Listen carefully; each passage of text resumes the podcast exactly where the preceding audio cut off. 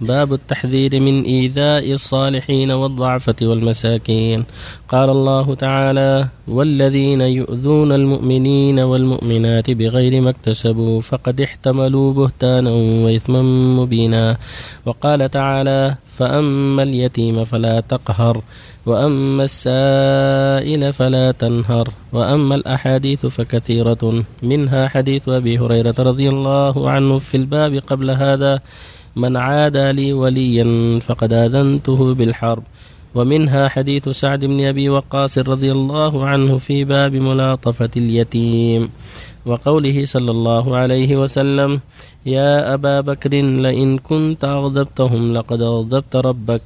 وعن جندب بن عبد الله رضي الله عنه قال قال رسول الله صلى الله عليه وسلم من صلى صلاة الصبح فهو في ذمة الله فلا يطلبنكم الله من ذمته بشيء فإنه من يطلبه من ذمته بشيء يدرك ثم يكبه على وجهه في نار جهنم. رواه مسلم.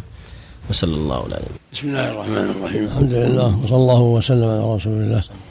وعلى آله وأصحابه. أما بعد هذه الآيات مع الأحاديث فيها الدلالة على تحريم إيذاء المسلمين وضمهم والعدوان عليهم ولا سيما الضعفاء والمساكين.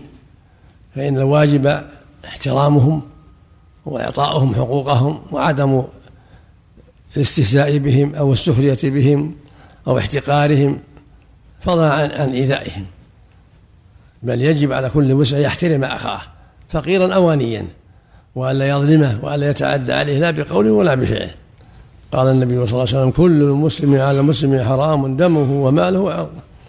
ويقول جل وعلا إنما الإخوة فأصلحوا بين أخويكم. المسلم أخو المسلم يجب احترامه وكف الأذى عنه. ويقول تعالى والذين يؤذون المؤمنين والمؤمنات بغير ما اكتسبوا فقد احتملوا بهتانا وإثما مبينا. هذا وعيد عظيم. والإيذاء يكون بالقول ويكون بالفعل ويكون بهما جميعا. فالواجب الحذر من ذلك. ويقول جل وعلا فأما اليتيم فلا تقهر وأما السائل فلا تنهر. ويقول جل وعلا في سورة العراء وسارعوا إلى مغفرة من ربكم وجنة عرضها السماء وعدة المتقين الذين ينفقون في السراء والضراء والكاظمين الغيظ والعافين عن الناس.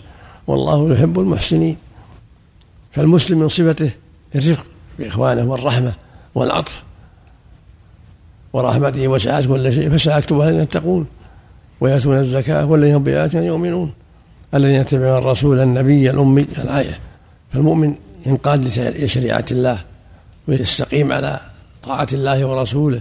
ومن ذلك كفه عن إيذاء المؤمنين واحترامه للمؤمنين وإيطاعه وإعطاؤهم حقوقهم وعدم انتقاصهم من حقوقهم وعدم ظلمهم وإذا كان المظلوم فقيرا وضعيفا كان الشر كان الإثم أكبر. لأنه لا يستطيع أن ينتصر لنفسه وأن يأخذ حقه. والله يقول جل وعلا إنما الملك فأصلحوا بين أخويكم.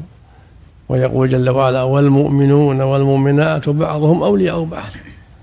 ويقول النبي صلى الله عليه وسلم كل المسلم على المسلم حرام دمه وماله وعرضه. ويقول صلى الله عليه وسلم إن دماءكم وأموالكم وأعراضكم عليكم حرام. كحرمة يومكم هذا في شهركم هذا في بلدكم هذا. ولما تكلم الصديق مع الضعفاء من المهاجرين ببعض الشيء قال له النبي صلى الله عليه وسلم لا إن كنت أغضبتهم لقد أغضبت ربك. فالواجب احترام المسلمين وكف الأذى عنهم ولا سيما فقراءهم. فهم أولى بالعطف والإحسان والمواساة لا بالاحتقار والظلم. وفق الله جميعا. حصل بعض الناس إذا رأى من ظاهره الفقر والحاجة عند عالم أو عند أمير يقول هذول نصابين لا يهمكم كذابين. فما أدري توجيهكم في هذا. ما يجوز هذا لا. ما يجوز. له الواجب عليه يساعد على الخير. يقول هذا ينبغي يرحمه ينبغي يطاف عليهم. إلا إذا كان يعرفه بالظلم والعدوان ينصحه إذا كان يعرف أنه غني وأنه كذاب ينصحه. لأن ما يجوز له السؤال وهو مغني. الله نسأل الله العافية. شيخ الله يهديك الحديث الأخير. من صلى الفجر في جماعة. كذلك لا بأس صحيح. وهو في ذمة الله. يجب الحذر من ظلم المسلم. وش مفهومه يا شيخ؟ ها؟ معنى الحديث هذا الله يجزاك تحريم من ترك الصلاة. يؤيد قول قول بأن تركها كفر نسأل الله. لأنه إذا لم يصلي فليس في ذمة الله نسأل الله العافية. نسأل الله عملك. قال له إنه يعني يكون بحفظ الله مثلا من السحر والعين احسن الله عملك؟ هل مثلا ممكن إنه من صلى الصبح في ذمة الله إنه تحفظه من السحر والعين هو بلازم له المقصود بس إنه في, في أمان الله يعني احذروا ظلمه احذروا العدوان عليه. أحسن الله عملك نسأل الله العافية. الله إليك. من يصلي والا عاد ال- الأدواء الأخرى لها أسباب أخرى. تعوذ بكلمات الله التامات من شر ما خلق. سؤال الله العافية جل وعلا.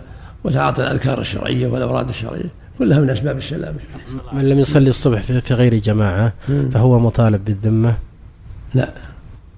قي- قيدها في جماعة. هذا فيه الحث على صلاة الجماعة في والمحافظة عليها نعم.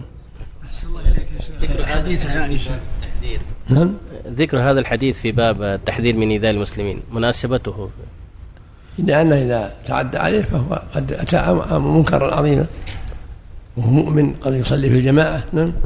نعم. يعني يكون ظلمها أشد نسأل الله العافية. نعم. أحسن الله إليك. حديث عائشة أن الرسول صلى الله عليه وسلم كان إذا أوى إلى فراشه جمع كفيه فنفث فيهما فقرأ فيهما قل هو الله أحد والمعوذتين. نعم. هل هذا يكفي؟ أحسن الله إليك.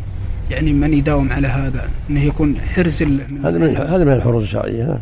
كان- وكان النبي يستعمله دائما كل ليلة ولا سيما إذا أصابه شيء عليه الصلاة والسلام. مع الأذكار. هذا من العلاج مع الأذكار الأخرى. أحسن الله إليك يا شيخ. لو استيقظ الإنسان وما بقي على خروج وقت الفجر إلا وقت يسير لأداء أو لو لم لم يبقى على أداء وقت صلاة الفجر إلا وقت يسير لأداء ركعتين. يصلي ركعتين ثم يصلي الفجر ولو. تبعه النبي لما فاتت الصلاة صلى ركعتين ثم صلى الفجر. يقدم السنة يعني. اي نعم يقدم السنة. يعني وقته وقت الاستيقاظ هو وقته.